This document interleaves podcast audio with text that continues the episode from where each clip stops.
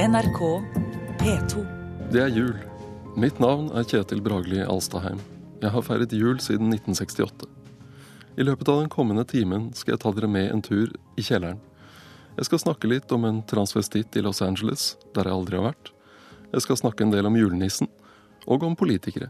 Mest om politikere når sant skal sies, for det er politikk jeg driver med til daglig som politisk kommentator i Dagens Næringsliv. Men først musikk. Vi begynner pent. Nei, forresten, la oss gjøre det effektivt. Det er noe merkelig og fint med julen som høytid. Den er en blanding av moro og sentimentalitet. To av julesangene viser spennet som ligger i julen som høytid. I det ene øret er den amerikanske klassikeren Santa Claus Is Coming to Town. Det er tempo, det er forventning, det er elektriske julelys både inne og ute, og fest overalt. I det andre øret er Alf Prøysens julekveldsvisa. Det er seig sentimentalitet og tung realisme. Ingenting kommer gratis i julekveldsvisa. Vi har vaska gulvet og bør i ved, vi setter oss og hviler på en stund, det er ettertenksomhet bortåt glaset, og utenfor vinduet, sikkert i gnistrende blå vinterkulde, kan vi se julestjernen over taket der ei jordmor Matja bor. Og én ting er sikkert, det er ikke utendørs julebelysning hos jordmor Matja. Jordmor Matja er den norske modellen. Det er langt fra amerikansk julenisse ho-ho-ho med nisseverksted på Nordpolen, og til Hedmark og himmelen og ei krybbe og ei ku og en Snekker Andersen-julenisse som bor under en trerot. En skulle nesten ikke tro at det var samme høytid sangene handler om, men det er det. Så hvorfor ikke slå dem sammen, gjøre unna to julesanger på en gang, slik Are Odin gjorde på P3 i 2005. Det ble en julekveldsvise jordmor-Matja aldri hadde hørt maken til. På Stortinget siger julestemningen inn når juletreet settes opp i vandrehallen. En gang i tiden var juletreet et sikkert tegn på at det snart var krise i behandlingen av statsbudsjettet for det kommende året. Hvert år omtrent når treet var på plass, spisset det seg til i forhandlingene i finanskomiteen om skatt og veier, sykehus og prestestillinger. Slik har det ikke vært på lenge. Men som alt som har med jul å gjøre, henger tradisjonene fast. Så selv om Stortingets reglement for behandling av budsjettet ble endret for så lenge siden som i 1997, altså i forrige årtusen, minner stadig duften av gran på Stortinget om duften av budsjettkrise. Selv om det som nå måtte være av krisestemning, er tilbakelagt i november. Så når treet i vandrehallen nå er på plass, er det egentlig et tegn på at det snart er juleferie, også for politikere. For meg begynner julen på ordentlig om ettermiddagen på julaften, når jeg tøfler ned i kjelleren, til matboden. Der inne, litt til høyre for blåbærsyltetøyet og en hylle over vinen, ikke så langt fra et par bokser hermetisk tomat, litt høyere opp enn kassen med juleøl på gulvet, der står musefellen. En eller annen gang i november er de der, nemlig. Jeg vet ikke hvilken sprekk de kryper inn igjennom, men det er små lorter på hyllen, eller oppå et syltetøylokk. De har trukket inn for vinteren, men jeg vil ikke ha dem der. Så en eller annen gang i november starter jaktsesongen. Det er ikke så lett å fange mus som noen tror. Et år var det en spesielt listig mus jeg slet med å få has på. Jeg hadde plassert en bit ost i fellen. Neste morgen var ostebiten borte, men fellen var ikke smekket igjen. Jeg prøvde med en skinkebit, i håp om at den skulle være litt seigere å få løs. Den gang ei. Neste dag var fellen tømt, det var verken skinke eller mus i den. Jeg fortalte om den lure musen på Facebook, la ut bilde av den tomme fellen til og med. Det er jo det vi gjør. Forteller, deler, liker. En venn foreslo peanøttsmør. Jeg puttet peanøttsmør på fellen. Ikke lenge etter var den slikket ren. Kanskje mitt eneste håp var å fete opp musen, slik at den til slutt bare var nødt til å utløse fjærmekanismen. Jeg prøvde skinke igjen, med en dråpe honning på. Smakk. Musen hadde fråtset i ost, peanøttsmør og skinkefett, og nå var den drept av en livsfarlig lavkarbodiett. Men på julaften, om ettermiddagen, går jeg ned i kjelleren, jeg desarmerer musefellen, jeg lar skinkebiten eller osten eller hva det nå er som er i den, bli værende, og så senker julefreden seg, over mann og mus, og det er meldt snø på Bugge Wesseltofts piano, og tiltykning til julestemning utover kvelden. Stortinget er et spesielt sted, også når det skal ønskes god jul. Stortingets president pleier å avslutte siste møte før juleferien med et ønske om god jul og godt nyttår. noen ganger krydret med noe ekstra, altså omtrent som et vanlig julekort folk sender til hverandre. For eksempel avsluttet daværende stortingspresident Torbjørn Jagland siste møte før jul i 2006 på denne måten. Før møtet heves, ber presidenten om ordet for å ønske alle god jul og godt nyttår og takke for samarbeidet i år. Presidenten har ett ønske for jula, nemlig at det blir snø. Mens et vanlig julekort havner i papirsøpla ganske snart og forsvinner ut av historien, blir en julehilsen i Stortinget tatt vare på. For evigheten. Der nedtegnes hvert ord av referentene som alltid sitter med nyspissede blyanter. Og når noe er sagt, opprettes det en sak. Saken om Jaglands ønske om snø kan derfor finnes på Stortingets nettside. Tittelen på saken er Presidenten ønsker alle god jul og godt nyttår, takker for samarbeidet i år og ønsker seg snø til jul. Under står det Saken er ferdigbehandlet. Det ble jul i 2006 også. Om Jagland fikk snø, står det ingenting om, det er ikke alt selv Stortinget har herredømme over. Så heller ikke jul er bare enkelt for politikere. Før julen i år, eksempel, lot Kristelig Folkepartileder Knut Arild Hareide seg avbilde i en butikk på et kjøpesenter. Men hva slags butikk skulle han la seg avfotografere i? For en politiker fra Fremskrittspartiet ville Vinmonopolet vært et naturlig valg. Det er et passende sted for å klage på høye avgifter. Men for Hareide var det selvsagt uaktuelt. Han er tross alt KrF-leder. Undertøysforretningen kunne vært en idé hvis han ville vise potensielle nye velgere at KrF-ere ikke er så prippende som folk vil ha det til. Men noen av kjernevelgerne kunne kanskje bli støtt, fordi noen av dem er nettopp så prippende som folk vil ha det til. Så det var best å styre unna blonder og dristige strømper. Spillbutikken var heller ikke et trygt sted for den som har familieverdier som hjertesak. Der ville Hareide vært omringet av voldelige spill og actionhelter i hyllene. Hareide valgte det trygge. Han hendte i en butikk med duker og puter og stearinlys og andre ting som det sto God jul på. Det lyste familiekos og hygge og bestemor lang vei. Hareide var på hjemmebane. Skulle det bli mykere og tryggere, måtte han dratt til dyrebutikken og klappet en liten kanin. Men da ville kanskje noen blitt lei seg? En allergiker, for eksempel, som ble minnet på hvor inderlig han eller hun ønsker seg en kanin, men ikke kan få det. Slikt må politikere tenke på, hele tiden, og det går så lett galt. Tom Waits har laget en sang som egentlig ikke handler om jul, men som jeg synes passer ganske godt likevel, med tanke på den omsorgsfulle, eller sentimentale, delen av julen og ting som ikke går som de skal. Et godt stykke ut i teksten dukker det opp en strofe som har en litt spesiell historie. Tom Waits og hans datter satt på en buss på vei inn i Los Angeles. Det var en skikkelig kald dag. Utenfor bussvinduet ser de en transvestitt som står på et gatehjørne. Han, eller hun, har på seg en kort, liten topp. Magen er bar, skjørtet er kort, sminken rundt øynene er tung og håret er bleket og denne gutten, eller jenta, står og danser for seg selv. Datteren til Tom Waits kikket ut av vinduet og sa It must be really hard to dance like that when you're cold and there's no music. Dette var ikke H.C. Andersens pike med svovelstikkene fra et kaldt København. Det var Tom Waits transvestitt med tung sminke i LA. Det er en historie og en sang med en tittel og et budskap som også hører hjemme i julen. I hvert fall når julen blir vanskelig. Hold on, synger Tom Waits. Hold ut. Av og til dukker julenissen opp i stortingssalen. Han kommer sjelden særlig godt ut av det. I 2004 stilte Arbeiderpartiets Kjell Engebretsen spørsmål til daværende næringsminister Ansgar Gabrielsen. Det handlet, slik det ofte gjør i norsk politikk, om at staten må ordne opp. Denne gang for julenissen. Engebretsen spurte Ser statsråden mulighet til at staten medvirker til besvarelse av brev sendt til julenissen i Drøbak? Gabrielsen var for så vidt glad for at mange barn tror julenissen bor i Norge og sender brev hit. Likevel var svaret nei. Jeg mener at det i utgangspunktet ikke er en oppgave for staten ved Nærings- og handelsdepartementet å besvare brev til julenissen, svarte Gabrielsen. Senere forsøkte Fremskrittspartiets Per Roar Bredvold å hjelpe nissen i Bredvolds hjemfylke. Nissen i Norge holder til på Savalen i Hedmark, noe dessverre ikke alle vet.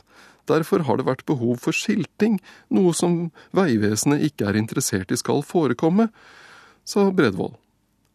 Daværende samferdselsminister Liv Signe Navarsete ville ikke ta stilling til saken. Dersom nissen eller noen av hjelperne hans i ei travel førjulstid ønsker det, kan de bringe saka inn for Vegdirektoratet, som da vil kunne gjøre en mer omfattende gjennomgang, svarte Navarsete. Ingen hjelp å få, altså, verken med skilting eller brevskriving. Forklaringen kan være at julenissen har et dårlig rykte i politikken. La meg gi noen eksempler. I en debatt om intercitytog i år sa Fremskrittspartiets Bård Hoksrud Spesielt på Vestfoldbanen vet vi at det å tro at toget skal kjøre 250 km i timen, er nesten som å tro på julenissen. Kristelig Folkepartis Knut Arild Hareide sa om Fremskrittspartiets rause forslag til Nasjonal transportplan. Å tro på den type summer er som å tro på julenissen. Noe så latterlig som å tro på julenissen virket det som om Hareide aldri hadde hørt om, selv om han leder et parti der en del tror både på jomfrufødsler, engler og mirakler. Julenissen raser som kjent rundt i en flyvende slede i et fantastisk tempo, trolig langt over 250 km i timen. Men i samferdselsdebatten kappes politikerne om å ta avstand fra ham. Og ikke bare der. Det å stole på eller tro på løfter fra statsministeren og Arbeiderpartiet er akkurat det samme som å tro på julenissen, sa Høyres nestleder, nåværende helseminister Bent Høie for tre år siden. I debatter om samferdsel, spillpolitikk, personvern, ja også i en debatt om skolepolitikk er julenissen dukket opp i en uheldig birolle. Den debatten julenissen vel egentlig hører hjemme i, er i bistandsdebatten. Også der har han vært med. Endelig var nissen, som reiser rundt og deler ut milde gaver i hele verden, på hjemmebane. Det hjalp ikke stort. Å tro at bistand alene kan skape mirakler i et land som Tanzania, er å tro på julenissen, sa daværende utviklingsminister Erik Solheim i Stortinget i 2007. I politisk retorikk har julenissen tapt. Julenissen er blitt et symbol på usannsynlige drømmer og dum optimisme. Han er det motsatte av nøktern realisme, å tro på julenissen er naivt og tåpelig. Det er ikke rart at politikerne liker å denge løs på julenissen, for det å tro på julenissen, det må jo være enda mer virkelighetsfjernt enn det meste annet, til og med mer virkelighetsfjernt enn å tro på politikeres valgløfter. Etterpå skal jeg snakke mer om julenissen, og om hvorfor han faktisk fortjener et dårlig rykte. Og litt mer om politikere, og hvorfor de ikke fortjener det.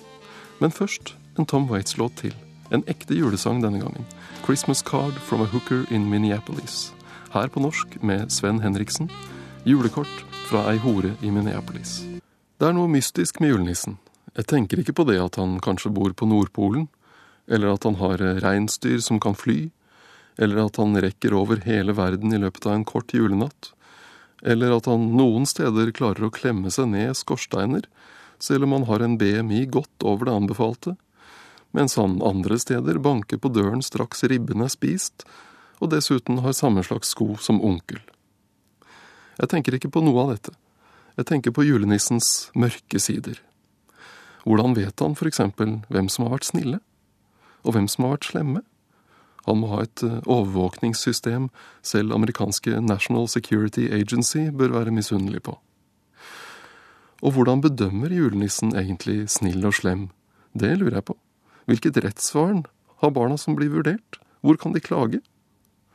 Mitt inntrykk er nemlig at det er mye tilfeldigheter i julenissens vurdering. Det finnes, tro det eller ei, en hel del ganske ufyselige barn, som, selv om de er ufyselige, likevel får gaver av julenissen. Ganske fine gaver også, og helt ufortjent. Det holder dessuten ikke å være snilt barn. Det ene snille barnet kan få en pysj og en DVD fra billigkassen. Et annet snilt barn får egen TV til rommet, bærbar PC, ny mobil og en haug hundrelapper i tillegg. Så det viktigste ser ikke ut til å være om du er snill eller slem. Julenissen sier finnes det noen snille barn her? Men gavene han deler ut, viser at det han egentlig mener er finnes det noen barn her med foreldre som har stabil inntekt og et ordnet forhold til banken? Det er mulig julenissen virkelig har et så omfattende system for overvåkning av barn som det hevdes, men hvis nissen også har et moralsk kompass, må det være knust. Det skulle ikke overraske meg om det neste blir at Brennpunkt avslører omfattende sosial dumping i nisseverkstedet. Og jeg er sikker på at hvis julenissen var statsråd i regjeringen, ville det blitt eh, høring i Stortingets kontroll- og konstitusjonskomité. Riksrevisjonen ville satt i gang gransking. Datatilsynet ville kommet på inspeksjon. Og Mattilsynet ville gransket hva som egentlig er grunnen til at Rudolf er rød på nesen. Her er Bob Dylan. Must be Santa. Det er noe mystisk med julenissen.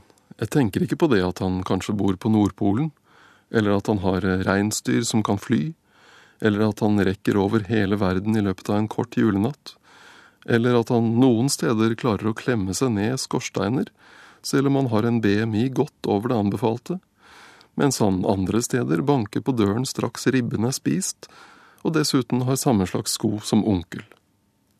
Jeg tenker ikke på noe av dette. Jeg tenker på julenissens mørke sider. Hvordan vet han for eksempel hvem som har vært snille, og hvem som har vært slemme? Han må ha et eh, overvåkningssystem selv amerikanske National Security Agency bør være misunnelig på. Og hvordan bedømmer julenissen egentlig snill og slem? Det lurer jeg på. Hvilket rettsvern har barna som blir vurdert? Hvor kan de klage? Mitt inntrykk er nemlig at det er mye tilfeldigheter i julenissens vurdering. Det finnes, tro det eller ei, en hel del ganske ufyselige barn, som, selv om de er ufyselige, likevel får gaver av julenissen. Ganske fine gaver også, og helt ufortjent. Det holder dessuten ikke å være snilt barn. Det ene snille barnet kan få en pysj og en DVD fra billigkassen. Et annet snilt barn får egen TV til rommet, bærbar PC, ny mobil og en haug hundrelapper i tillegg. Så det viktigste ser ikke ut til å være om du er snill eller slem. Julenissen sier finnes det noen snille barn her? Men gavene han deler ut, viser at det han egentlig mener er finnes det noen barn her med foreldre som har stabil inntekt og et ordnet forhold til banken?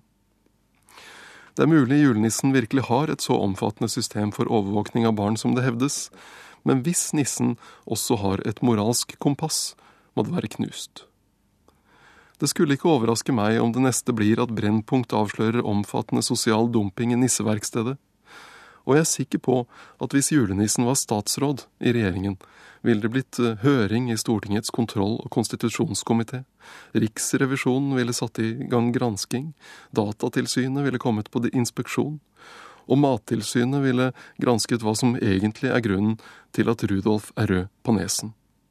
Her er Bob Dylan, Must Be Santa.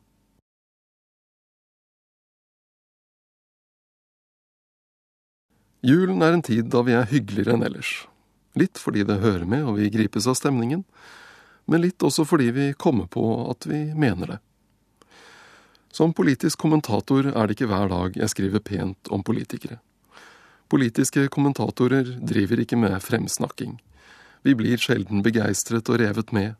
Superlativene har vi donert bort til kulturavdelingen. Den slags ligger litt utenfor stillingsinstruksen vår. En grunn til at det er slik, er at det er journalistikkens natur, når den er god, å være kritisk. Det er vårt oppdrag.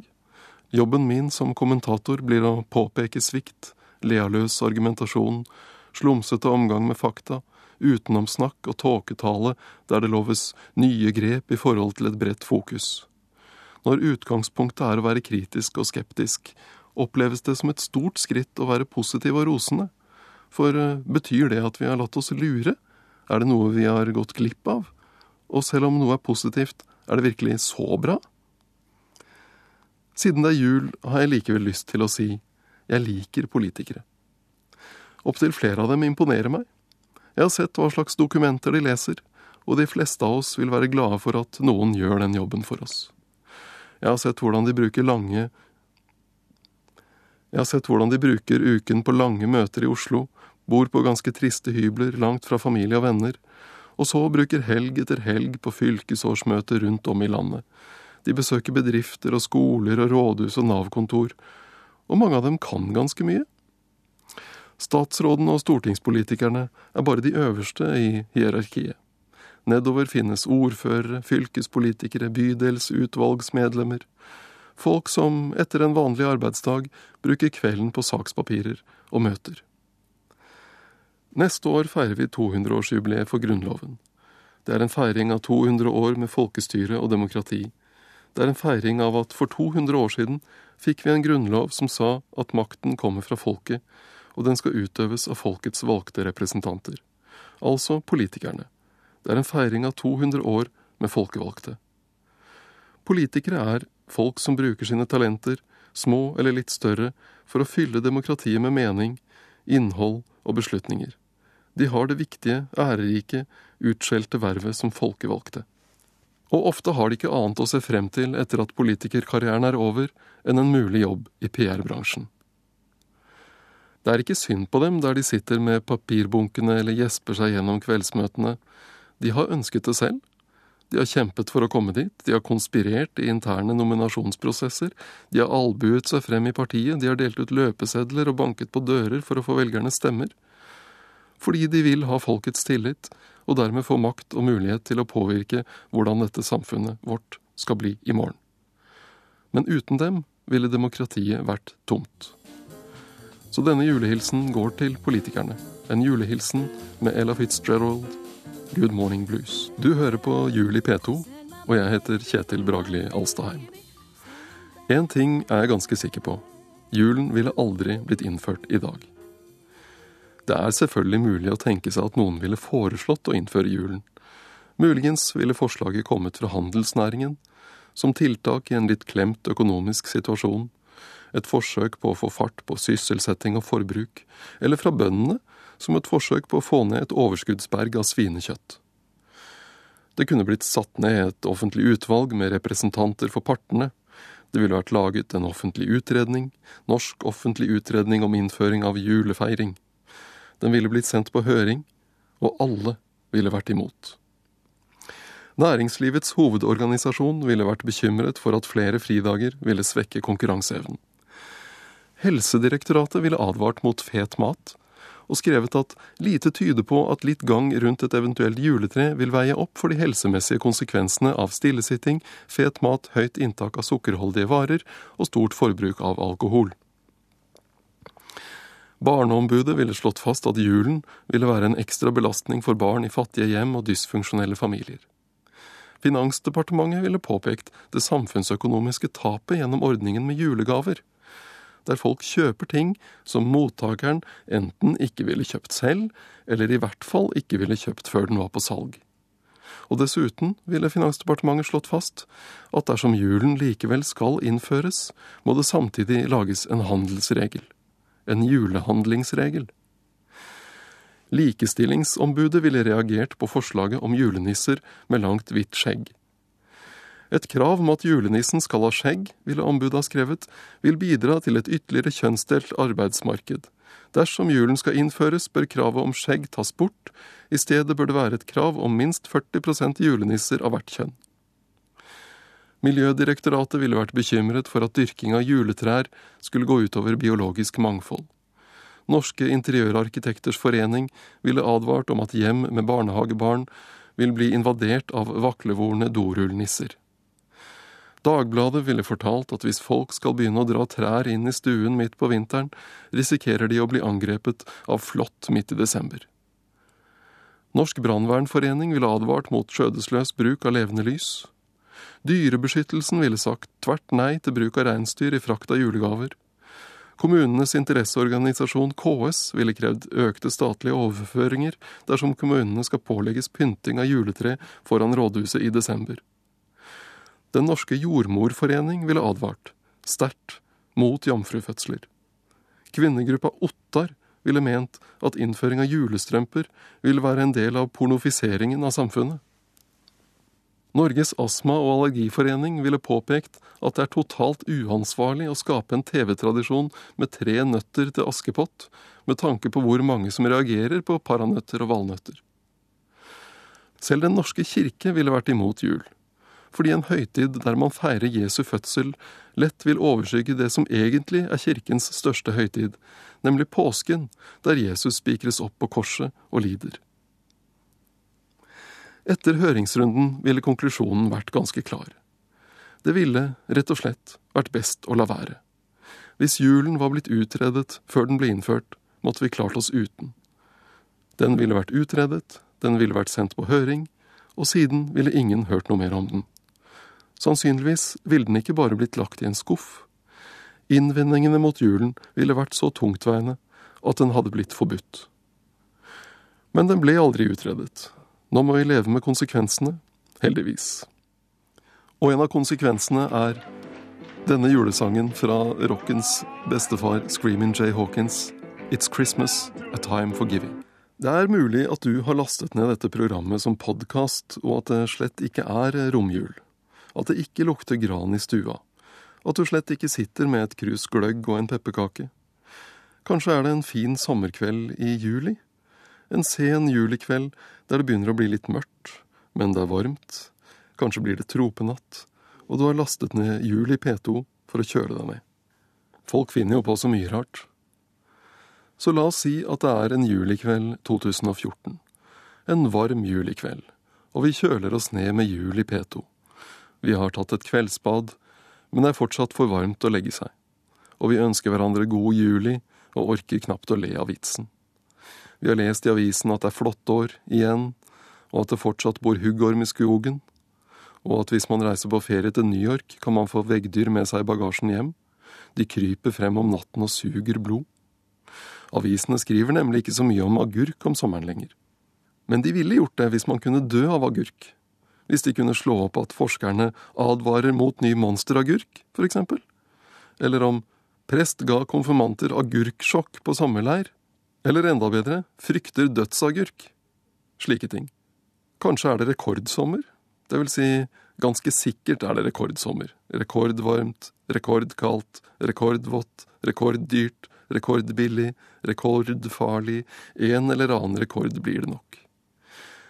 Hvis det altså er juli, er det i så fall for lengst blitt 2014.